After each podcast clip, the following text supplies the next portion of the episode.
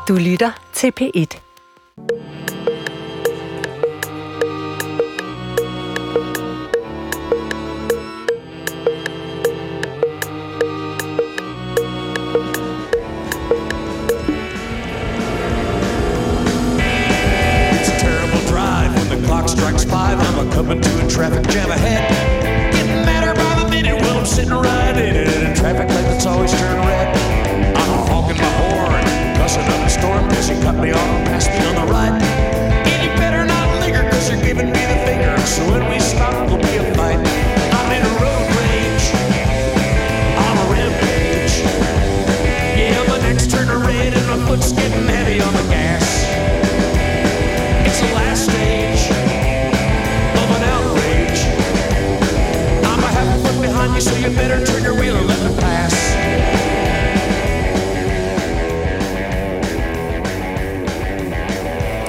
Goddag, mit navn er Peter Lund Madsen, og rigtig hjertelig velkommen til Hjernekassen på P1. Og vi laver ud af mit af mine absolute yndlingsnumre, et af dem, jeg hører allermest, Road Rage med Hillbilly Hellcats. Øh, og nummeret med, fordi at det, det skal handle om, det er lige netop titlen på sangen, nemlig Road Rage. Det der med at gå amok i trafikken. Hisses op, skælde ud, blive vred, sidde og slå i rettet, fordi de andre opfører sig fuldstændig sindssygt. Øh, jeg er i den situation, at jeg er en meget passiv udøver af road rage, forstået på den måde, at det ikke er noget, jeg giver mig af med. Men jeg er omgivet af folk, som har det som en kær aktivitet. Øh, og jeg har også været udsat for det en gang øh, ved brusen, nej, nej, Netto i Svindinge. Uhyggelig historie, øh, som egentlig har en pointe, som omslutter emnet, vil jeg sige. Men, men det er kun sådan en kort introduktion, der kommer her. Men øh, historien er den, at jeg er øh, ude for at skulle handle, og øh, på min gang over parkeringspladsen, så hører jeg lige pludselig vinedæk, og der er en, der bakker ud på en måde, så han er ved at køre mig ned. Øh, og jeg laver sådan et, et tegn, som siger, nå ja, et eller andet i den stil, og glemmer så alt om sagen. Indtil 10 sekunder senere, hvor jeg så hører vinedæk igen, og han kommer så op på siden af mig og stiller øh, det kvikke spørgsmål, om jeg har et problem. Øh, og på det tidspunkt, der var jeg ansat i psykiatrien, så jeg gik i straks i psykiatrimode og sagde, at jeg synes nok, hvorefter personen i bilen skrigende, altså som i skrigende gentager spørgsmålet, om jeg havde et problem. Øh, og så gik jeg så i en anden mode, og jeg svarede, nej, jeg har overhovedet ingen problemer, alt er godt. Og så skete der det glædelige, at øh, personen i bilen kørte ud af mit liv. Og der har jeg så siden fået at vide fra andre, at, øh, at det er sådan, det bliver sagt, at de havde nok haft svært ved ikke at sige noget. Altså underforstået, at jeg opførte mig som en tøsdreng. Og der må jeg sige, at øh, nej, det gjorde jeg ikke. Jeg opførte mig fuldstændig rationelt. Fordi at øh, mænd af min kropsstørrelse, muskelmasse, kan godt have fantasier om, at de en dag opfører sig som Superman. Jeg kunne godt have en fantasi om, at jeg i det skjulte havde trænet i skjulte kampteknikker, og, og jeg så siger til denne her skrigende yndling, om jeg har et problem, ja, det kan jeg love dig for, jeg har det problem, at du kører til fare for dine omgivelser, og lige før, som et eksempel, hvor du vil at køre mig ned, det er simpelthen ikke i orden. Hvorefter han ville være kommet ud af bilen, og jeg så havde lagt ham ned med et elegant jiu-jitsu-greb. Men den vej fører kun mod mørket, fordi hvis jeg havde gjort det, så skulle han jo hævne det. Han skulle finde ud af, hvor jeg boede, hvem jeg var, så ville jeg møde op på hjemmeadressen, og jeg havde indledt en krig mod det mørke, han repræsenterer. Det, der skete, det var, vil jeg selv sige, jeg glæder af på det, og han forsvandt ud af mit liv, væk, for aldrig nogensinde skulle sende sine mørke bølger ind i min sfære. Det er, som udgangspunkt, min holdning til det med at møde idioter i omverdenen. Så har vi Morten Krøhold som producer på det her program, som, øh, som i hvert fald i den daglige adfærd opfører sig lidt anderledes. Vi kører meget rundt i bil sammen, Morten er altså chaufføren, og øh, der kan man lige pludselig, ej, jeg har ikke oplevet så tit en gang over Jylland, lige, lige så bliver synsfeltet for til dækket af en lange mand, som, som afsøger fronten. Forruden, en af siden af forruden der i bilen. Øh, og her, det er ikke mere end en måned siden, øh, vi skal ind på motorvejen, der er en, der opfører sig som idiot, hvorefter Morten dytter i hornet, hvorefter ham, der opfører sig som idiot, fortsætter med at opføre sig idiot, optræder og brænder sig ned, øh, og der opstår en anden trafikkommunikation, jeg er ikke helt med, men det ender i hvert fald med, at ham foran bremser ned og helt tydeligt inviterer Morten til en rask nævekamp ude i, i, i, i siden der af motorvejen. Det er fuldstændig absurd. Og da jeg så spørger Morten, som jo er den producer, der, der sidder helt stille og roligt øh, og ordner tingene, så spørger Morten, hvorfor gør du det? Altså, fordi når de kører sådan, så ved du, de er idioter, og nu sidder du og provokerer idioter. Så siger Morten, og det er så, så siger han, jamen det er fordi, jeg gerne vil undervise dem. Han vil gerne, Morten, Morten vil ved de her tegn og faktorer gerne vise dem, at de opfører sig dårligt. give dem noget at tænke over, så de ikke opfører sig dumt næste gang. Og det er, det er en smuk mission, men jeg vil også sige, det er en meget naiv mission. I dag skal det handle om road rage. Vi havde inviteret tre, vi havde fået tilsavn for tre. Vi sidder på nuværende tidspunkt med to gæster, men det skal nok gå alt sammen. Så bliver der for eksempel tid til en lidt længere indledning. Øh, min første gæst er Adrian Hughes, journalist for DR. Tak fordi du komme. Tak fordi jeg måtte. Næste gæst, det er Mette Møller, psykolog, leder af Transportpsykologisk Sektion på DTU Management. Ja. Tak fordi du vil komme. Selv tak. Og så har vi selvfølgelig også Morten, som øh, jeg ved ikke, om det bliver til noget, men vi har jo snakket om det her, og Morten siger, at han er nu et, et sted i sit liv, hvor han kunne overveje at komme, jeg vil ikke bruge ordet, med en undskyldning, men vil komme med nogle overvejelser angående hans hidtidige adfærd i trafikken. Men det kan være, det kommer senere. Nu er det tid til intro -jinglen. Du lytter til Hjernekassen på P1 med Peter Lund Madsen. Og i dag der skal det handle om road rage, det der med at sidde og hisse op i trafikken. Og min første gæst, det er jo dig, Adrian. Og tak fordi du vil komme. Og nu har jeg jo lige siddet her og fortalt om, hvor prægtig er. Aldrig var han vred i trafikken. Det passer ikke, men hvor fornuftig jeg opfører mig ude i trafikken. Har du det på samme måde som mig? Øhm, nej, altså jeg betragter jo øh, den, den her udsendelse i dag som en skriftestol. Altså det er, jo, det er jo simpelthen den her udsendelse, som skal, som skal rydde alle mine fortidige øh, lige ud af lasten, øh, øh, således at jeg kan stille op til Københavns borgerrepræsentation på sigt om 12 år, eller sådan noget stil. Og så vil jeg så kunne sige, altså jeg har sagt det, det er ikke noget, I kan tage op af kassen nu, fordi jeg har altså sagt det i et offentligt program. Ikke? Øh, jeg har simpelthen et problem med road rage, og jeg forstår faktisk ikke helt, hvordan I har fundet frem til mig, fordi jeg troede, det var hemmeligt, men jeg må have sagt det i en eller anden bisætning i et interview på et tidspunkt, eller sådan noget den stil.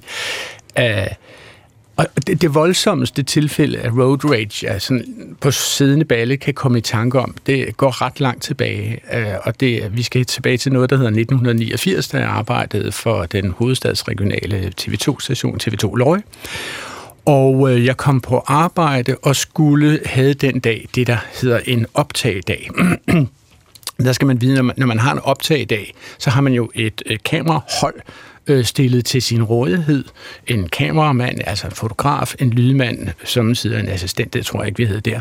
Men altså nogle mennesker, som havde sat hele deres dag af til, at man skulle lave noget tv-indhold, som skulle i fjernsynet. Altså, jeg kunne ikke forestille mig noget vigtigere, og det var super vigtigt at få brugt det der optagehold maksimalt fra øh, de mødte ind, til de tog hjem igen. Ikke? Og øhm, så øh, kommer vi ud i øh, baggården bag ved TV2 Lorry, hvor alle de såkaldte ENG-biler står altså der, hvor alle optageholdene hopper op i deres biler, slam, slam og kører ud og laver fjernsyn ud i verden. Og så holder der en grim lille øh, tarvelig øh, rød Lada parkeret tværs hen over det hele og blokerer for vores ENG-optagebil. Ikke? Det er et problem fordi vi ikke kan komme ud af gården. Så, så jeg løber selvfølgelig, løber selvfølgelig straks ind til receptionen og spørger, er der nogen, der ved, hvem der har den der lille røde lada? Og det er der ingen, der ved. Og så er det, at det slår klik op i mit hoved. Altså, øh, jeg synes jo, det der med at parkere på en sådan måde, at man blokerer andre mennesker øh, i deres liv, det er også sket sidenhen. Det er faktisk parkering er virkelig et trigger word i den her sammenhæng det kan man jo ikke gøre noget ved. Altså, man, man kan jo knap nok få et fejeblad ind i baggården til TV2 Løje og løfte den her Lada og køre den til, ud på småt brandbart eller noget andet. Ikke? Så, så, så min primære opgave, min livsopgave på det her tidspunkt, er jo simpelthen at få fjernet Ladaen. Og hvordan gør man det? Ja, for det første tilsikrer man sig adgang til lagdagen på aller ulovligste måde ved at tilvirke en bøjle med henblik på at flå dens øh, låsemekanisme op. helt naturlige ting at gøre. Øh, jeg var slet ikke klar over, at jeg kunne. Jeg havde jo selvfølgelig afsøgt alle lagdagens fire døre, og de var øh, for, forfandt, jeg aflåste. Men det lykkedes mig på en eller anden mærkelig måde at stikke bøjlen ind gennem en lille sprække i en forrude, øh, førerdøren, og, og trække relativt snilt, vil jeg sige. Altså, der kunne, jeg kunne være blevet en fremragende klatretyv, eller sådan noget den stil, eller smed. Øh, jeg får så åbnet den her, lov, øh, den her lada. Og nu er den så åben i det mindste, så sætter jeg mig ind i ladaen og opdager, at den er låst. Så forsøger jeg først at øh, bryde retlåsen. Altså simpelthen vride jeg kan se, at øjnene bliver spi- spilet op omkring mig. er det ikke så godt? Jeg, jeg forsøger først at, at, at ødelægge retlåsen, altså for at kunne trille den frem og tilbage, indtil jeg får den ud af vejen. Ikke? Øh, jeg kan se, at om i bagruden ligger der en eller anden kasket, som ligner noget, som en oberst i Frelsens her kunne tage på, når han er ude og samle penge ind, eller synge for Gud, eller sådan noget af den stil. Øh, øh, øh, men, men der er ikke rigtig andet, som identificerer indehaveren af den her lada. Det lykkedes mig ikke at ødelægge retlåsen, men, men hjulene står i en stilling, som trods alt gør, at jeg kan rive gearet ud af, øh, ud af første gear, eller hvad den står parkeret i, og vi kan så trille lagdagen tilstrækkeligt langt væk til, at vi kan få vores egen bil ud af øh, Loris baggård. Man kunne så sige, nu var problemet sådan set løst. Ja. Ja, Ja, det kunne du sige. Nu skal du sige, problemet var løst. Problemet var løst, men nu indgår du i undervisningsfasen. Ja, ja, det, ja, ja, fordi der sker jo simpelthen det, at, at nu er jeg jo godt og vel ophidset. I skal forestille jer ophidset i Basil Fawlty mode. Jamen er du sådan? Står du og, ja, ja, sprutter? Ja, ja, men det, altså øh, sved og, og savl og alt muligt andet strutter, sprøjter ud af alle kropsåbninger. Jeg er rasende til frodens øh, øh, øh, rand, ikke? Og så tænker jeg, hvad kan jeg gøre for at gøre denne frelsens her obers begribelig, at han har parkeret usædvanligt hensigtsmæssigt? Og så tænker jeg, at det meste naturlige, man kan gøre, det er jo selvfølgelig at gå ind i personalerummet i TV2 Løje, som vender ud mod baggården, og tage sig en kop kaffe. Ikke med henblik på at falde ned ved at drikke den, men derimod med henblik på at hælde den ud over instrumentpanelet og, sæderne i, i den her lille lag. Jeg var undskyld. Det her er sandhed. Det er simpelthen virkelig. Der det er også mange år siden. Det er mange, mange. Jeg var cirka 27 år gammel. Men altså, man kan jo sige, det ved du jo, Peter. Øh, hvor, altså, ens hjerne er vel sådan så og så nogenlunde færdigbagt, når man er 27 år gammel. Altså, den bliver vel ikke meget mere frisk og, og, og, og spændstig, end når man er 27 år gammel. Og der bliver nogle ting, der bliver bedre. Blandt andet bliver man bedre til at beherske sig. Tror du? Ja. Okay, nå, men det ved du faktisk. Ja. Okay, men det håber jeg, vi kommer til at tale mere om, fordi det har jo, i, i, i mildere grader har det her jo gentaget sig. Ikke? Men, men under omstændighed hælder jeg jo altså øh, kaffe ud over instrumentpanelet. Øh, det drøber ned i nogle af instrumenterne. Jeg sørger også for at hælde det ud over sæderne, naturligvis. øh, og så går jeg tilbage, og så pakker vi i en G-bilen, som vi nu om sider kan køre ud øh, for at lave en meget vigtig reportage fra Danmarks eneste skomuseum, som tilfældigvis dengang var beliggende i Hellerup. Ikke? Øh, og øhm, så lige da vi skal til at sætte os ind i bilen, så kommer der en mand løbende i fuldt ornat. Nu kan jeg se, at der hører åbenbart mere til uniformen end den der kasket, som var på bag, øh, i bagruden i lagdagen. Øh, han har et stort, altså han har alt til faget henhørende som øh, frelsens her oberst. Altså øh, virkelig fint, og med epauletter, tror jeg nok, det hedder, som sidder på skuldrene osv. Og han siger, øh, det er min lagdag, jeg er frygtelig ked af, at, at den øh, holder ulovligt parkeret. Og så siger jeg til ham, Øh, Øh, nej, jeg siger faktisk ikke noget til ham.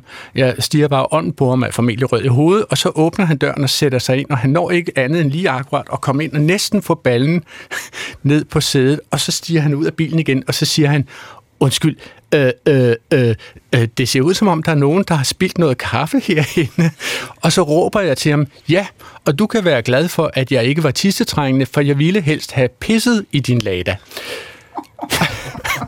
og så spiler han øjnene vildt op, og så siger han, så vidt jeg husker, det var dog en helt igennem besynderlig opførsel. Og så sætter han sig ind i lagdagen, lagdagen og kører med den. Ikke? Nå, men det er jo han, sådan er, jo, han er jo ligesom mig. Ja, ja, han er relativt intelligent, jeg må kan man lige, sige, ja. Jeg må lige an, anmærke, at det er en besynderlig opført. Det synes du også, at det er nu, siger du her 30 år efter. Jeg, stød, jamen, jeg ville også have sagt, nå, okay, havde jeg Det var alligevel stejl. Ja. Jeg skulle nok ikke have sagt det der med at urinere. Det var nok en fejl. Jamen, godt. Er nå, okay, du synes, der er mere i det. Nå, nej, men det værste er jo selvfølgelig, at på vej i ING-bilen, vi havde jo mobiltelefoner allerede i 1989, det var jo en tv-station, så vi var fremme på beatet.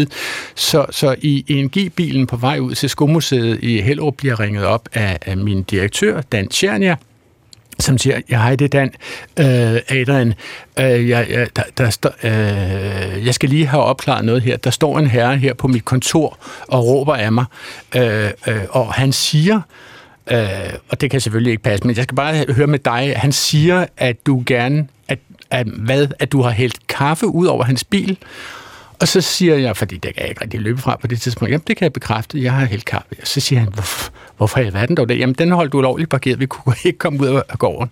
Og så siger Dan, meget tilbageholdt, altså øh, den mand, som ejer den lader, han er brandinspektør ved, ved Frederiksberg Kommune.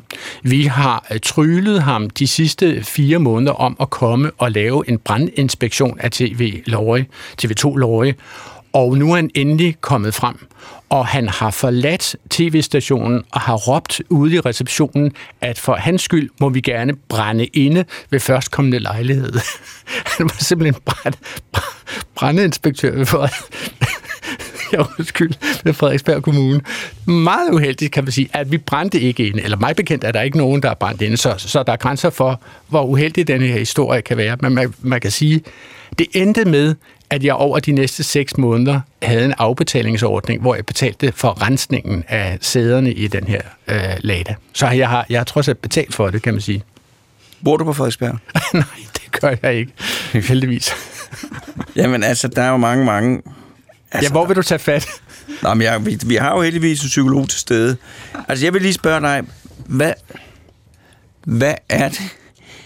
Altså, der hvor jeg, altså jeg, der, hvor jeg sagtens sætte mig ind, bliver sur med flytbilen og sådan noget der, der man begynder at hive rettet, begynder det at blive indviklet. Men hvad er det, der får dig til at hælde, hvad er det, der sker i hovedet, da du hælder, da, da, da bilen er flyttet, problemet sådan set er løst, og så skal du så have lige orden det med kaffen. Ja, ja. Altså det håber jeg, at det her program faktisk kan svare på i virkeligheden, kan man sige. Ja. Ikke? Fordi øh, det er jo helt objektivt vanvittigt, stupidt, åndssvagt, og, og der må tydeligvis være en eller anden form for krybdyr hjerne, som har taget over der. Det er jo hinsides fornuft. Altså, det, den, altså den, den, den eneste fornuft, jeg sådan med kikkert kan spejde efter langt ude i horisonten, er, at jeg ønsker, ligesom Morten Grøholdt, produceren af det her program, siger, jeg ønsker at give ham en lærestreg.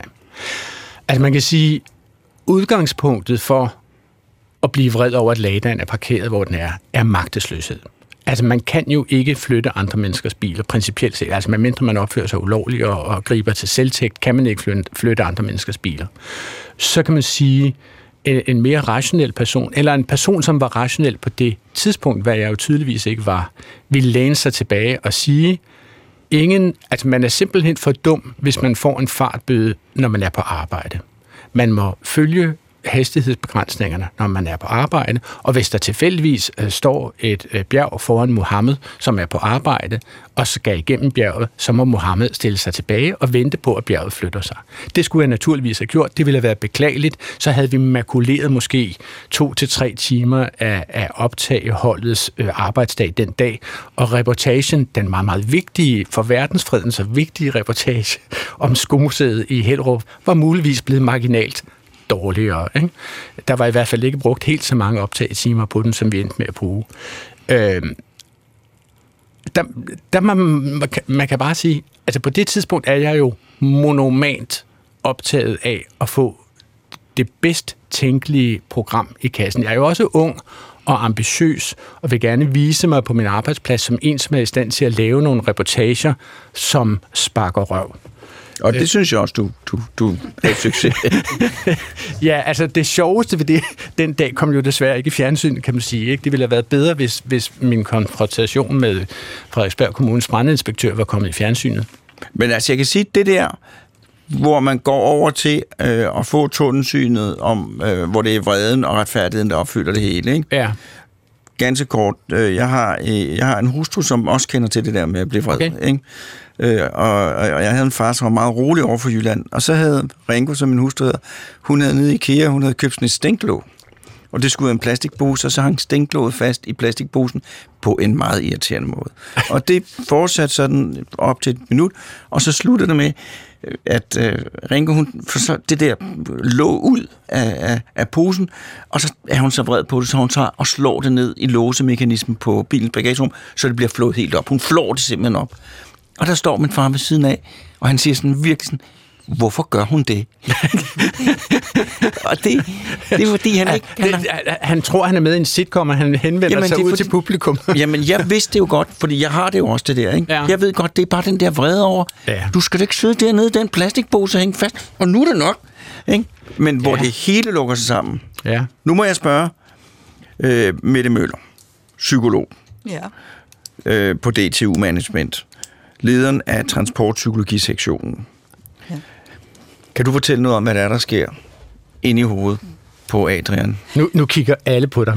Jeg ved godt, det, jeg ved godt du måske ikke kan svare 100%, men, men, men, men noget af det, hvad er det, der sker? Altså i virkeligheden synes jeg jo, du har forklaret det meget godt selv øh, omkring det med magtesløshed og ville vise den anden og give en lærestreg og så videre. Og altså, altså i virkeligheden, så er jeg jo inviteret ind for at fortælle om en intervention, der har at gøre med, hvordan man, man Ja. behandler vejvrede. Og altså, den intervention, vi har lavet, den er faktisk ikke gearet til at håndtere den her type udfordringer, tænker jeg, fordi Nå. den er faktisk lavet til øhm, den almene befolkning. Det vil sige folk, der ikke når helt langt ud af tangenten, som den situation, du lige har beskrevet her, hvor man altså virkelig giver den gas, om jeg så må sige, Altså, i forhold til at vise den anden, at nu er det nok, og jeg skal i hvert fald også. Jeg er meget ked af at høre det her, fordi nu, nu lyder det som om, at du simpelthen mener, at jeg er uden for pædagogisk Nej, for det er du rækkevidde, og du, Nej. du har opgivet mig. Altså, det, det som man kan sige omkring vejvrede, jo, eller, altså, der er to ting. Der er det med at forebygge, at situationen opstår, og så er der det med, hvad gør vi, når situationen er opstået. Og den situation, du beskriver, der når du jo ud over et punkt, hvor det med at sige, træk vejret og tæl til 10, og hvad man ellers kunne finde på af forebyggende strategier, det vil nok, det er lige før jeg tænker, at det vil gøre problemet endnu værre, hvis der var nogen, der havde stået til dig der og sagt, altså træk lige vejret. Ikke? Men man kan sige, at den situation, der vil mit bedste råd jo være at gøre et eller andet, der trækker tiden ud, sætter tempoet ned, så man, eller bliver afledt, bliver afledt, så man ikke ligesom sådan fortsætter, fordi man er jo i sådan, du, har, du beskriver jo, jeg får i hvert fald et billede af en person, som er fanget i sin følelsesvold, og helt har mistet overblikket, det rationelle, og sådan, og i det hele taget også at tænke, jamen det jeg gør nu, altså ændrer det situationen? Det med kaffen, man kan sige, det med at bryde ind i bilen og få den flyttet, det kunne man til nød sige, der var måske at det var måske ikke en god måde at gøre det på, men der var måske en eller anden form for funktion i det. Men at hælde kaffen ud over sædet, det er jo bare ligesom... Altså, det, det ændrer jo ikke noget ved situationen. Bilen flytter sig ikke, du får det ikke bedre, der er ingen, der får det bedre. Det bliver bare en regning, du hænger Men- på i mange år. Og så Men videre. det er jo det, som Morten også kalder undervisningsfunktionen, ikke? Jo. Altså, det der, man siger, Altså, jeg tror faktisk, at det er jo lang tid siden, men, men når vi nu taler om det her, så får jeg sådan en lille, en, lille, en lille erindring af, at jeg havde en fornemmelse af, at det var uretfærdigt. Ja. Altså, det var uretfærdigt, at han skulle, han eller hun skulle, obersten der, skulle slippe afsted med at parkere sin bil så uhensigtsmæssigt, og bare skulle gå ud i TV2 Loris baggård mm. og finde bilen flyttet, trillet nogle få meter, og så ikke tænke mere over det. Mm. At det synes jeg var for billigt sluppet. Jeg syntes, at det måtte have konsekvenser øh, at opføre sig. Jeg undskyld, nu siger jeg, at han har opført sig tåbeligt. Jeg ved godt, der vil være nogen, som mener, at jeg har opført mig tåbeligt i den her historie. Ikke? Men, men jeg havde, altså logikken ja. I mit hoved var, at jeg synes også, at det skulle have konsekvenser for ham, at han havde opført sig tåbeligt. Ja.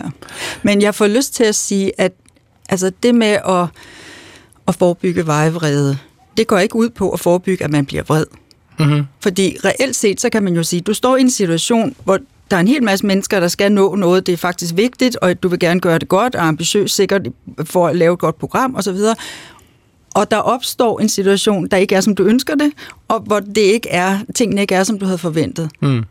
Og det var måske heller ikke et hensigtsmæssigt sted at parkere den der bil. Så reelt set kunne man godt sige, at du har en god grund til at blive vred eller frustreret mm. eller et eller andet. Det, der så er kunsten, det er, hvad gør man så, når man når i den situation? Og det er jo, det er jo der, hvor man kan sige, ideelt set, så, og det er jo det, vi har lagt op til, at der skal man tænke anderledes. Altså, det, det, man kan sige, hele det her kognitive med, at det, man tænker, det har at gøre med, hvad man føler, og det ender så i, hvad man så gør. Og det vil sige, hvis man skal lade være med at hælde kaffe på sædet, så skal man tænke noget andet. Det vil sige, du vil ikke skulle tænke, jeg skal vise ham, han er en idiot, jeg skal have hævn, jeg skal, hvad det nu var, du sagde. Altså, du skal ligesom faktisk, som, øh, som Peter beskrev, tænke, jamen det her, det, altså han er, det har ikke noget med mig at gøre. Jeg bakker ud. Jeg, det her, jeg har ikke nogen problemer. Jeg glider af her. Altså. Men, men, men har du med det øh, nogle redskaber til mig? Øh, som, fordi den, nu siger jeg, at den her historie er 30 år gammel. Der er også en anden historie, som er cirka 13 minutter gammel. Altså, øh, øh, jeg har jo stadigvæk, altså lige akkurat i trafikale forhold, har jeg stadigvæk en, en, en, en, en evne til at gå fra 0 til 100 på ingen tid, og simpelthen glemme mig selv. Ja. Øh, glemme rationalitet og god opførsel. Altså, der er jo nogle ting omkring trafikken, der kan trække det der. Hvad er det for nogle ting? Fordi det er et, øh, altså det er jo et rum, hvor vi indgår i nogle sociale relationer, og vi, vi, vi er der med et formål, og man kan sige, at den tid, vi er der, den, den skal bare minimeres, og det vil sige, det bliver også upersonligt. Det vil sige, man bliver nemmere, man bliver mere tilbøjelig til at, at se de andre trafikanter som ting, altså en stol, man kan sparke til, eller et eller andet. Altså ens grænse for, hvad man vil tillade sig selv er anderledes, fordi det er sådan et upersonligt rum. Og der, nu kan man sige, nu beskrev du en episode, hvor bilen var parkeret. Der, kunne jeg så, der var så ikke nogen person, men mm. der kunne have kommet en person. Men typisk i trafikken, så er vi jo på vej, og det vil sige, det vi gør, vi bliver ikke stillet til regnskab for det på samme måde, som hvis man står, hvis, hvis jeg begyndte at svine dig til nu, så vil du mm. lige hurtigere, de andre, der sidder her om bordet, de vil også sige, hey Mette, hvad, hvad har du gang i? Nu skal du lige dæmpe dig lidt ned og så videre. Hvorimod, når man er, sidder i sin bil og er på vej et eller andet sted hen, jamen så man er der, og man kender ikke hinanden, man ved ikke, hvem det er, der sidder i de andre biler, og det hele er upersonligt. Det vil sige, grænsen for altså den der menneskelige omsorg, eller empati, eller hvad kan man sige, den forsvinder. Det er faktisk meget sjovt, fordi øh, altså det, du siger der, det er, at, at det er selve mødet, altså øje til øje, næse til næse, mellem forskellige mennesker, som gør, om de har øh, empati med hinanden, eller for hinanden, eller ej. Ikke? Og, og øh, jeg kan jo også mærke, at der er forskel på min vejvrede, alt efter om den retter sig mod medcyklister, mm. eller om den retter sig mod cyklister, som er cyklister, når jeg sidder i bil. Ja. Altså hvis der er en rude mellem mig og dem, så er der en Altså, er, der, er det meget nemmere simpelthen at gå fra 0 til 100 og flyne ud på en uhensigtsmæssig måde, ikke? Vi skal have en jingle.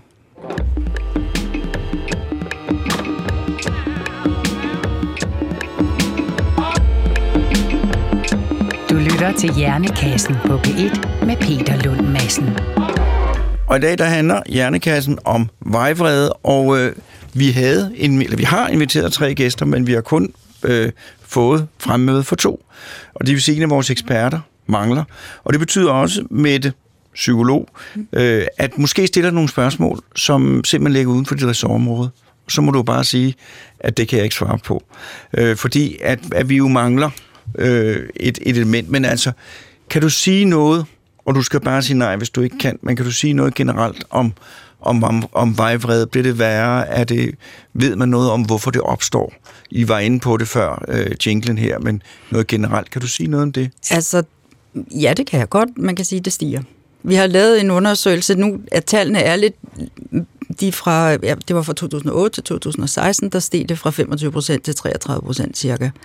Og 25 procent, det var 25 procent, der havde oplevet det. Ja.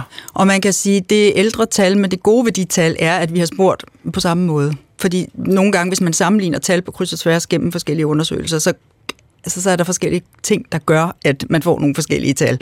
Og det gode ved det, vi har lavet, er jo, at vi har spurgt øh, på samme måde. Mette, må jeg spørge, Men, altså, spørger I folk, om, om folk selv er skyldige i vejvrede, eller om de har oplevet det fra andre? Vi spørger om begge dele. Okay. Og det typiske er jo, at, øh, at man synes, de andre er værre end en selv. Ja. Så man bliver typisk, typisk så har man i højere grad oplevet det, end man selv har udøvet det. Øhm, og altså man kan sige, grunden til, at vi har lavet det her med at forebygge vejvrede, det er jo fordi, altså hvis jeg nu, altså hvis nu der er tid, så kan man jo sige, hvad, hvad skal man egentlig kunne for at køre godt? Og der skældner vi imellem sådan forskellige niveauer af kundskaber, og på det mest basale niveau, der har vi jo sådan temmelig motorisk, kan man sige. Man skal kunne Hold om rettet. holde om rettet, få skifte, koble ud, og hvad man ellers skal. Og så på det næste niveau, så kommer vi mere over i sådan noget mere perceptuelt, kan man sige, hvor man skal kunne forudse, jamen jeg holder her, og lyset er der, og vejen er sådan, og hvordan udvikler trafikbilledet sig, det vil sige, hvordan skal jeg placere mig.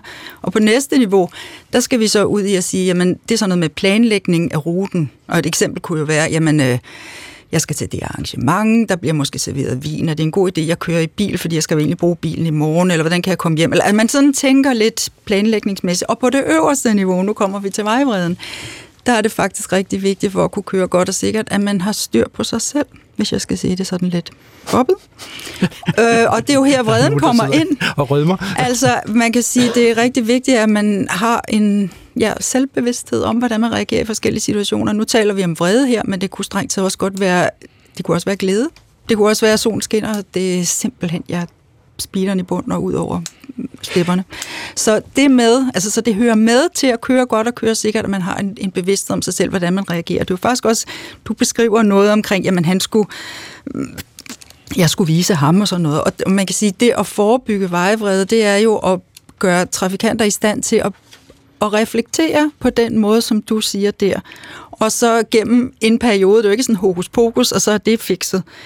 Men opbygge en bevidsthed om, hvad for nogle situationer reagerer jeg i, hvordan reagerer jeg, kunne jeg reagere anderledes, kunne der være en god grund? Altså nu beskrev du jo faktisk også, at den her person, langt om længe var det lykkedes at få ham til at møde op, og så, altså det sagde du ikke noget om, men måske var der ikke andre parkeringsmuligheder, eller, altså der var måske reelt set en god grund.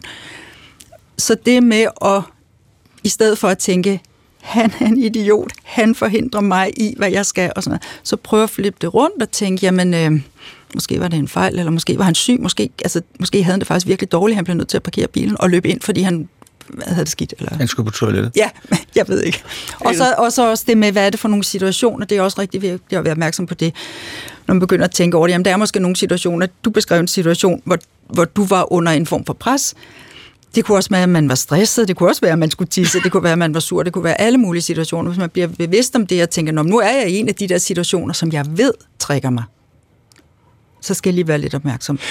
Altså, det slår mig, når du taler om det her, at, at det her handler også om forståelse for, hvad er det, øh, der foregår i trafikken lige foran mig. Jeg kan registrere, at når jeg er ude og køre i bil sammen med min mand, mm-hmm. så tror jeg vist nok, at jeg kigger lidt længere frem øh, på motorvejen, end han gør. Fordi når der lige pludselig er en eller anden bilist, som trækker øh, meget, meget hurtigt og pludseligt ud foran en øh, langsomt kørende lastbil, ud i den øh, bane, som vi kører i, så siger min mand, øh, åh, at det var lige lovligt frisk nok gjort, eller det skulle han ikke have gjort, og sådan noget. Og så vil jeg sige, øh, det var faktisk fuldstændig naturligt, at han ville gøre det, fordi han kørte med en bestemt hastighed, mm. og jeg kunne godt se, at han ville komme i problemer med at komme rundt om den lastbil, før vi kom til, og derfor havde jeg allerede sluppet øh, foden fra speederen og regnet med, at der var en stor sandsynlighed for, at han ville trække ud. Så det er det der med, altså, øh, stadigvæk, man kan sige, at nøglen her er øh, i en eller anden grad at være i kontakt med sin rationalitet. Øh, hvis man forstår, hvad det er, der foregår, så kan man acceptere meget. Jeg, jeg er sjældent vred på øh, andre mennesker på motorvejen, fordi jeg ved som regel, hvorfor at de skifter bane, eller hvorfor de er nødt til at bremse op, eller er nødt til at øh, speede op osv. Det generer ikke mig lige pludselig at få en kæmpemæssig BMW op i, i øh, bagspejlet, fordi øh, der kan sidde en, som har mere travlt end mig, og har bedre råd til at betale bøderne. Jeg vil sige noget. Det, der kan hisse mig... Nej, jeg blev aldrig hisset op. Men det, som jeg synes er problemet i trafikken, det er jo, at man kan blive alvorligt vred. Altså, hvis, hvis når jeg ser folk sidde og kigge i deres iPhones ude på motorvejen, og det ser jeg stort set hver gang, så skal jeg lade være at tænke på det. For jeg synes simpelthen, det, jeg synes, det er en hjerteløs handling. Jeg synes simpelthen, det er, jeg, hvis, jeg, hvis jeg tænker igennem, så synes jeg simpelthen, det er noget af det mest hensynsløse, man kan foretage sig. Og bevæge sig i kørende trafik, og sidde og kigge ned i noget, som ikke er trafikken. Altså, at de, de mennesker, der opfører sig hensynsløst, de gør det jo potentielt med mit liv som indsats, og deres egen og alt muligt. Det synes jeg er den dimension, der er det, der kan gøre mig vred. Det kan jeg så stoppe mig selv. Ikke? Der er, har jeg lagt mærke til, øh, noget enormt territorialt i det her. Det er jo noget med, når nogen der kører ind mm. foran dig, eller, eller ja, hele tiden får dig til at skulle ændre adfærd. Jeg tror, og jeg tror også, det er derfor, jeg kunne forestille mig, at det var noget, mænd havde sværest ved, at der er altså virkelig territoriekamp. Øh, hvis, hvis du lige vælter ud foran mig på motorvejen ud og blinker, så hvad kommer du lige ind på mit område? Øh, kan du komme tilbage? Jeg skal undervise dig. Er det så nogle ting, der spiller ind? Altså, ja, det er det. Det er jo det. Altså, det er det med, at man på en eller anden måde bliver forhindret i at nå sit mål, kan man sige sådan meget generelt. Jamen også, at hvis der er en, der vælter ud foran en, så har han jo bare sagt, fuck dig, jeg skal frem. Nej, men det er rigtigt, og det kan jo, altså, men det er jo så, det kan også være farlige situationer. Der er sådan lidt med mænd og kvinder, og typisk så, mænd bliver typisk vrede over netop folk, der forhindrer en i at køre derhen, hvad man ville med den hastighed, man ville. Altså fremdriften. Nogen, der kører lidt for langsomt, for eksempel. Og kvinder, de bliver, det vil mere, det du beskriver der, er måske i højere grad Altså det kan både være, hvis man kører ind foran nogen, så bremser man måske, så bliver den person nødt til at bremse ned, så der, der er noget, der aktiverer en mand her.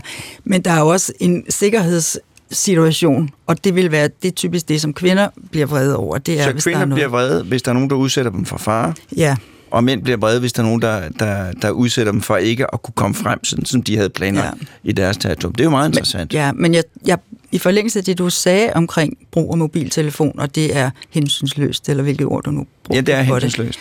det kan man sige, det er jo, altså, det er jo en risiko at bruge mobiltelefonen, fordi så er man uopmærksom. Men der skal man jo bare være opmærksom på, at det at være vred er faktisk det samme. Fuldstændig, det er det, jeg siger. Altså, det er lige så opmærksomhedsdistraherende at blive vred, fordi man bliver så fanget i sin vrede. Man bliver så optaget af, nu skal jeg vise ham, eller jeg vil ikke finde mig i, eller det er også for dårligt. Så man flytter al sin kognitive kapacitet væk fra trafikken og over i den anden, som så skal, hvad det nu er, vedkommende jeg skal have kaffe på sædet og så videre. Det er det, jeg ja. siger til Morten, når vi kører sammen, og han starter sin, musikundervisning, eller sin trafikundervisning, så siger Morten, trafiksikkerhedsmæssigt, så bliver du nødt til bare at, at, at tænke på noget andet. Ja. Lad den, lad den passere. Men det er rigtigt, og man kan sige, der er jo en dokumenteret sammenhæng mellem vrede og øget uheldsrisiko. Og så kan man sige, der er jo også nogle af de ting, vi har lavet, der kan vi også se, at der er faktisk altså tæt på halvdelen af personer, når de bliver udsat for det her, så går de og tænker på det. Altså i hvert fald køreturen færdig, eller sidder og tænker på det, i hvert fald køreturen færdig, men også længere, altså også flere dage efter. Og det kan man sige, mens, hvis man tænker for meget over det, mens man kører, så kan det måske være en sikkerhedsrisiko, men det giver jo også altså, dårlig livskvalitet, og så tager man det måske med på arbejdet, og så på vej ind i receptionen, så møder man en eller anden, som så får en ordentlig, et ordentligt fur, lidt ligesom vores brandinspektør, der så skælder ud øh, et andet sted, så det er jo også det med at man får ikke løst rigtig nogen situationer, og man sender bare en masse vrede videre ud i verden. Jeg, jeg synes, det der kodeord, du siger med territoriebeskyttelse, altså det, det, det klinger bekendt for mig, fordi jeg, jeg kan bare registrere, at mine primære udbrud af vejvrede har været, når folk har parkeret mig inde. Altså, og, og, og når de på den måde har cramped my style. Jeg bor på, mig ja, altså på Sortedam dosering, hvor jeg bor, øh, er der en baggård. Der er også en bag, alle disse, det er baggården i virkeligheden. Der er også en baggård på Sortedam dosering. Og på et tidspunkt havde jeg min største storebror på besøg med sin hustru og deres tre børn. Og, øhm, og, og de skulle hjem til Kalundborg. Og det øjeblik, de så skal køre ud af bilen, så er der nogen, som har parkeret en bil foran vores port. Øh, og så kan man jo ikke komme nogen vej. Man kan, altså, det er ikke muligt at køre rundt om den bil der. Og, så, og man ved jo godt, hvor svært det er at tilkalde politiet, fordi de rykker altså ikke ud. Øh, de vil hellere besøge alle de 400 stenkastende psykopater op i ungdomshuset, end de vil besøge os og fjerne en eller anden tilfældig Audi. Ikke?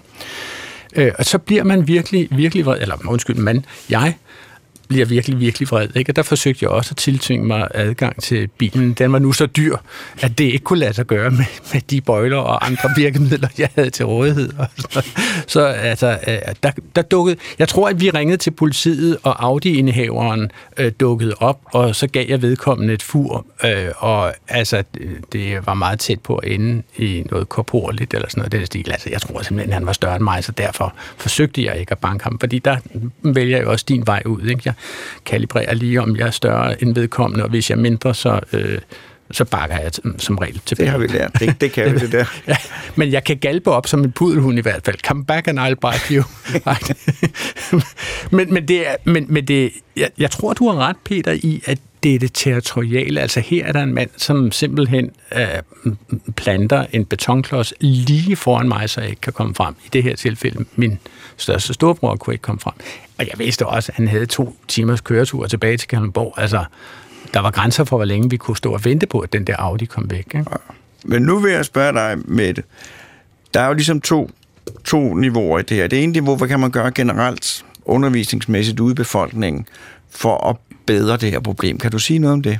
Er det noget, man kan lære som på køreskolen, eller er der nogle ting, man kan gøre generelt efter undervisningen? Altså- på OPS? Vi har jo lavet det her lille Ja. fine program, eller hvad skal vi kalde det, som sådan et slags undervisningsforløb, som netop er baseret på, eller det er tilrettelagt som forebyggende, forstået på den måde. Det er ikke, det er ikke tiltænkt personer, som har et diagnostiseret, eller i hvert fald selv erkendt vredesproblem. Øh, og det forebyggende ligger jo i, at man netop, det tænkt, at man kan bruge det i forbindelse med køreuddannelsen, det vil sige, som jeg nævnte før, de der forskellige kompetencer, man skal have for at køre sikkert, så kommer det her med at være bevidst om sig selv og sine reaktioner i forskellige situationer også ind som noget, man skal lære.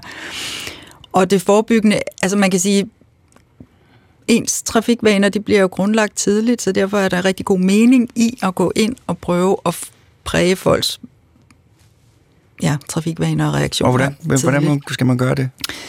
Vi har gjort det, det er jo inspireret af det her, mm, altså den kognitive terapi, I forstået. Det der med, at de, det jeg sagde før med, at det man tænker, det afgør, hvad man føler, og det afgør så, hvordan man reagerer, så det vil sige, at man skal ind og ændre folks tanker. Og det består af fire, fire elementer, det tager cirka halvanden time, og øh, det er en blanding af nogle fælles gruppesessioner, kan man sige, og så nogle parvise øvelser. Og øh, som det første trin er at få noget viden omkring det, fordi man kan sige, for at gå ind og acceptere præmissen om, at man skal lære noget, og måske ændre sin adfærd eller ændre sin indstilling, så skal man jo ligesom være, tænke, jamen det her det er også relevant for mig, selvom jeg ikke er meget hissig i trafikken, så er det stadig relevant at vide noget om det her. Så de starter med at få noget forskellig information om problemerne med vrede i trafikken. Så laver vi nogle øvelser, hvor de skal netop beskrive nogle situationer, de selv har oplevet, og hvor de så skal prøve, at- prøve at tænke, kunne jeg, gøre, kunne jeg tænke noget andet i den situation? Hvad var det egentlig, jeg tænkte? Start med at finde ud af, hvad var det egentlig, jeg tænkte? Hvad, var, hvad, hvad, hvad skete der egentlig? Hvad var situationen? Kan jeg så tænke noget andet? Kunne jeg gøre noget andet? Øhm, og så som det tredje, hvor man så går ind og netop ser på, jamen der er nogle situationer, som ligesom, som primer mig til at reagere på den måde. Ikke? Altså er det, er det typisk et eller andet? Nu beskrev du, Adrian, at hvis der kommer nogen bagfra, så er det ikke en situation, der trækker dig for eksempel. Ikke? Men der kunne være nogle andre, jamen det er for eksempel, hvis trafiksituationen er kompleks, eller der kan være, det, det vil jo være individuelt. Så kun, så man kan sige, det det går egentlig ud på, det er at få den enkelte, der sidder og ved at tage deres kørekort, til at blive mere selvopmærksom, kan man sige. Ikke? Det her, det er en af de situationer, hvor jeg kan hisse mig op. Ja. Mm. ja. Men, men øh, det kan, vil, vil I forsøge at øh, uddanne kørelærerne til at have disse her kompetencer, eller skal det her være en særskilt lektion, som man tager obligatorisk, når man tager kørekort? Altså, vi så jo gerne, man er jo i gang med at, at omkalfatre køreuddannelsen i det hele taget lidt, så vi så jo gerne, at man, man brugte det, og man kan sige, nu har vi lagt det an på, at det er sådan en session af halvanden time. Ideelt set, så skulle man jo nok dele det ud, så der også var mulighed for at følge lidt op på det og sige, Nå, hvordan er det så gået, har I kunne bruge det til noget? Og jeg fik ikke lige altså, sagt, e- efter at folk har fået kørekort? nej, under. Altså, Nå, Nå, man okay. ligesom lægger det ind som et, så man har sådan to på hinanden følgende undervisningsgange, hvor man gør det den ene gang, og så følger op på den anden gang, hvordan er det så gået, ikke? Men problemet så- med det er jo, at, at hvis folk ikke har fået kørekort endnu, så har de jo ikke de erfaringer fra motorvejen, eller hvor det ellers måtte være, hvor de kan sige, jeg ved, hvad der trækker mig, når jeg færdes. Ja. i trafikken. De kan kun sammenligne med, hvordan det går, når de cykler. Nej, men det er rigtigt, men man kan sige, det er stadig, altså, det er ikke specifikt for biler i virkeligheden. Altså, det kunne også godt være relevant. De erfaringer, man har, det har du jo ret i, når man begynder at tage sit kørekort, så har man ikke nogen personlige erfaringer som Nej. bilist, men så kan man trække på andre erfaringer, eller hvad man, kender, hvad man ens familie, eller hvad ved jeg. Øhm, men det kunne, altså i virkeligheden er det jo også, vi har også talt lidt, altså det kunne også være noget, der var relevant for erhvervschauffører for eksempel, ikke? eller andre, som, som færdes meget i trafikken, og som ikke har nødvendigvis et meget stort problem, men som kunne udvikle det. Og jeg, jeg fik ikke, jeg, lige to ting, jeg vil sige. Det ene var, jeg fik ikke sagt, at det, vi afslutter jo med at samle op på det her, og så kan man sige, at det er hjælp til selvhjælp, så det vil sige, altså for at de noget med, hvor det er meningen, at man selv ligesom skal arbejde videre med det, fordi det at få at vide, et eller andet, det ændrer ikke noget. Det er først, når man tager det til sig og øver sig, og man skal måske ud og køre et antal gange, før det sidder fast. Og så vil jeg sige, at det andet er, vi ved ikke, om vi får lov endnu, men det håber vi jo på, hvor vi egentlig tager næste skridt og prøver at udvikle noget, hvor man kan sige, øh, det er noget, man kan bruge, mens man sidder i bilen. Men, men det er jo altså, hvis, nu må du rette mig igen, hvis jeg tager fejl, men det, det er jo et reelt problem. Det er jo ikke Ja, ja, bare noget med, at folk får for højt blodtryk, går hjem og skælder konen ud. Der er jo trafik, øh, uheld og trafikkatastrofer, der, der indtræffer, fordi at enten folk har hisset sig op og kører galt, eller man indgår i de her øh, kampe om ja. øh, at bremse ned foran hinanden og sådan noget der. Fordi hvis der er to fjolser, der møder hinanden, så kan det, så kan det jo spiralere. Ja, ja. Øh, Adrian er jo sikker, fordi det primært går ud over holdende køretøjer. Ja. Ikke? det tænkte jeg også på. Øh, og, Ja, og så, og så noterer jeg mig også det her med, om man kender den, om man ser den i øjnene, som man har en, en, en konflikt med. Ikke? Øh, øh, min mand og jeg cykler ind af Dronning Louises bro øh, hver morgen, og øh, er stadigvæk i samtale med hinanden, øh, selvom vi har kendt hinanden i 30 år. Det er meget hyggeligt. Øh, og på et tidspunkt kørte vi op til krydset, da det skiftede fra øh, rødt til gult, Øh, og så giver jeg faktisk tegn. Jeg er en af de der gammeldags cyklister, som hæver min højre hånd og giver, afgiver signal om, at jeg er nedbremser. Og så var der sådan en herre i Lycra øh, bagved jer, som råbte, øv, den kunne I altså godt have nået. Øh, og jeg var sådan, hvad? Hvad sker der her? Ikke? Og så siger han, Gud hjælp med, øh, cykelstier er ikke til samtale. Altså underforstået, han synes ikke, det var passende, at vi kørte ved siden af hinanden og var i gensidigt udviklende og stimulerende samtale, mens vi cyklede. Og jeg synes, at at der havde jeg simpelthen lejlighed til, hvad man jo ikke normalt har i trafikken, der havde jeg lejlighed til at svare igen og sige, ved du hvad, det er jeg simpelthen uenig med dig i. Jeg synes faktisk, at cykelstier lige præcis egner sig usædvanligt godt til samtale, hvis man ikke cykler for hurtigt og derfor bliver forpustet. Ikke? Så det er jo sådan et, et, et tegn på, at, at hvis, man, altså hvis man kunne kommunikere med hinanden, altså hvis Morten kunne kommunikere, altså bare sige nogle få ord til den øh, bilist, som, som kommer ind på motorvejen på en uheldig måde, og derfor kommer i konflikt med Morten, som synes, at han skulle have kørt ind på motorvejen hurtigere, eller langsommere, eller foran, eller bagved, eller sådan noget, den stil, så ville meget være vundet. Den eneste måde, man på motorvejen har, øh, for at kommunikere med hinanden, det er lige præcis at bremse meget hårdt op for at genere den, der kører bag ved en. Ikke at jeg siger, at jeg nogensinde har gjort det, men, øh, men, men, men man overgår ligesom til nogle andre kommunikationsformer, som jo bevisligt er farlige. men, Men det er jo også et meget godt eksempel på, hvordan altså, to forskellige forventninger til en situation skaber en konflikt. Hmm. Fordi, nu ved vi det jo ikke, men min antagelse er, at han har haft en forventning om, at han skulle køre fuld fart. Måske skulle han på arbejde, og han har taget det der tøj på, så han kunne køre hurtigt. Han, han havde også en forventning om at køre over for gult. Ja, ja, men han har i hvert fald en forventning om at komme hurtigt afsted, og du har en forventning om, nu skal vi cykle, og vi skal have en god snak, så vi får en god dag. Og, det, og de to, de matcher bare ikke, så der, altså, der, det er to verdensopfattelser, der, der, der ja. ikke... Ja, det. Men, det, men, men, men det, det, kan jo, den, det, er en, det er en vildfarelse, at der må man lave en samlet ordning, at når man kører ind i byen, så er det tilladt at snakke sammen, og når man kører ud et sted, hvor det ikke er by, så kan man køre hurtigt. Altså at køre hurtigt på racercykel ind i byen, det, er, det, det, det dur simpelthen ikke. Øh, men det er en, side, det er en sidebetragtning. Øh, det man skal huske på, det er, at de folk, der kører virkelig, virkelig hensynsløst på veje og gader og stræder, som provokerer, som kører alt for hurtigt, det er folk, som man nødt vil lægge sig ud med. Ja. Næsten alt andet lige. Ikke? Ja. Det er folk, som bare trykker på knappen, så bliver det der territorium. Altså, de kører typisk i meget store, leasede, samtidig firehjulstrukne ja. biler med mellem 6 og 8 cylinder. Ja, og det er derfor, det, det skal man bare vide, at, at det er en selek- selekteret befolkningsgruppe, man går ind i, når man begynder at diskutere med folk, der kører fuldstændig sindssygt hurtigt. Nu, nu ved jeg ikke lige med bilmærker og sådan noget, det vil jeg helst ikke. Altså, uh, det har jeg ikke set nogen tal for. Det, kan, det er muligt. sociologi, kan Ja, ja, men, øh, men man kan sige, det er jo... Altså, man skal jo være opmærksom på, at man øh, ved heller ikke, hvem det er, man prøver at tage kampen op med. Og som, som Peter lige nævnte før, hvis du tager kampen op med en parkeret bil, hvor der ikke er en person, så er der rimelig sikkerhed for, at du ikke altså selv får nogle slag eller noget. Mm. Men man kan sige, hvis man går i begynder at råbe af nogen, eller hvad, hvad man kan springe ud af bilen, eller hvad man nu gør, der er jo forskellige niveauer af det her, så ved man jo ikke, hvem man er op imod. Og man kan sige, det er altså også, det er også vigtigt at, at tænke på, at den måde, man reagerer i trafikken, det har jo også lidt at gøre med, hvem man er som person. Og det vil sige, altså, at fordi for at kunne slå nogen med et baseballbat, hvis man kommer i en situation, så kræver det jo, at man har taget baseballbattet med i bilen. Det vil sige, at man er faktisk forberedt på en aggressiv reaktion. Mm. Så det er ikke bare noget, der sådan opstår ud af det blå, om så må sige. Man har ligesom sådan nu... Så det skal man jo også tage med, at der er de personer, som reagerer meget kraftigt. Jamen, det, nogle gange er det bare tilfældigt, det lige er trafikken. Altså, jeg kan sige en gang, at min bror var ude at køre sin bil. Og jeg skal ikke sige, at han bliver vejvred, fordi det ved jeg ikke noget om. Men han var ude at køre sin bil, øh, og så var der en, der kørte ind foran ham på en, på, en, på en forkert måde. Og så lavede han et bestemt tegn, som virkede meget provokerende på den, der modtog tegnet. Så provokerende han forfulgte min bror i bilen, kørte ind foran bilen og stoppede bilen og flåede døren op. Helt klart parat til at slå min bror i hovedet. Men så indtrådte der det, som min bror kalder paradox effekten Fordi så hvad fanden er det dig? Og så vendte det rundt og gik. Så der bliver man med altid fået, fået tæsk af og, mm. og, og opfører sig fjollet trafikken. Jeg skal høre her, at tiden går alt for hurtigt. Mette Møller, vi har været sådan lidt sporadisk, men når nu der sidder nogen i deres bil og hisser sig op, er mm. hvad skal man så gøre helt konkret? Er der sådan en 1, 2, 3 plan? Altså, mit råd vil altid være at trappe ned. Og hvordan gør man det i praksis?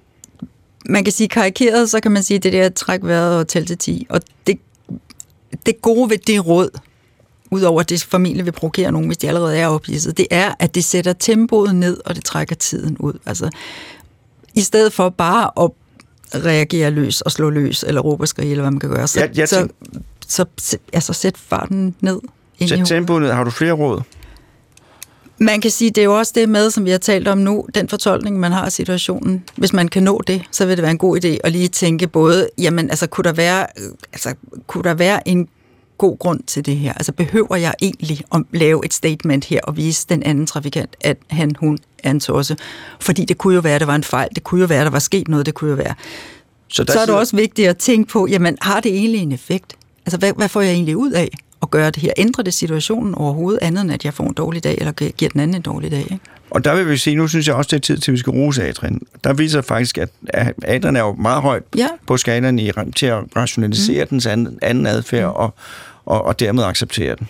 Så jeg synes, det går rigtig godt. Ja, altså, men, men det hindrer jo ikke, at det er altså ikke mere end øh, to en halv måned siden, at jeg flejnede fuldstændig ud over nogle mennesker, øh, som dyttede af mig øh, på, på en uhensigtsmæssig og en uberettiget måde. Men hvis jeg nu skal være sådan, nu går vi lidt væk fra trafikken, kort. og kort, så kan man sige, det kunne jo godt nu er jeg jo også psykolog, det kunne jo tyde på, oh, nej, ikke det.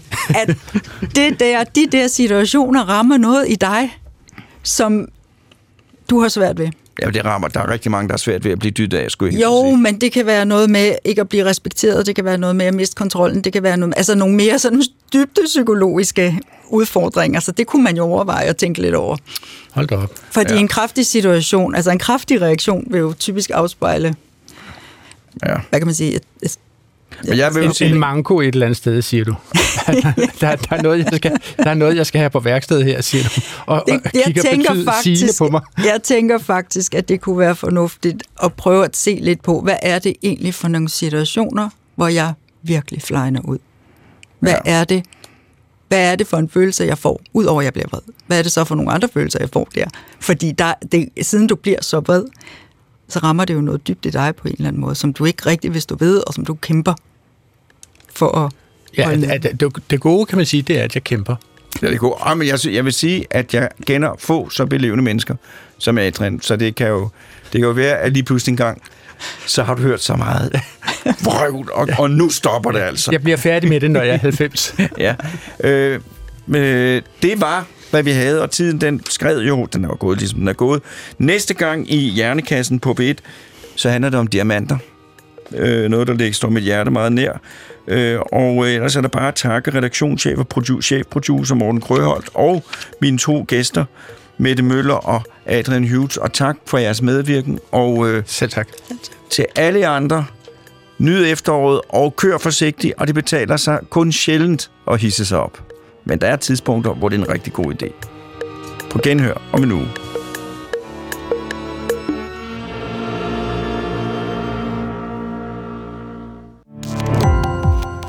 Gå på opdagelse i alle DR's podcast og radioprogrammer. I appen DR Lyd.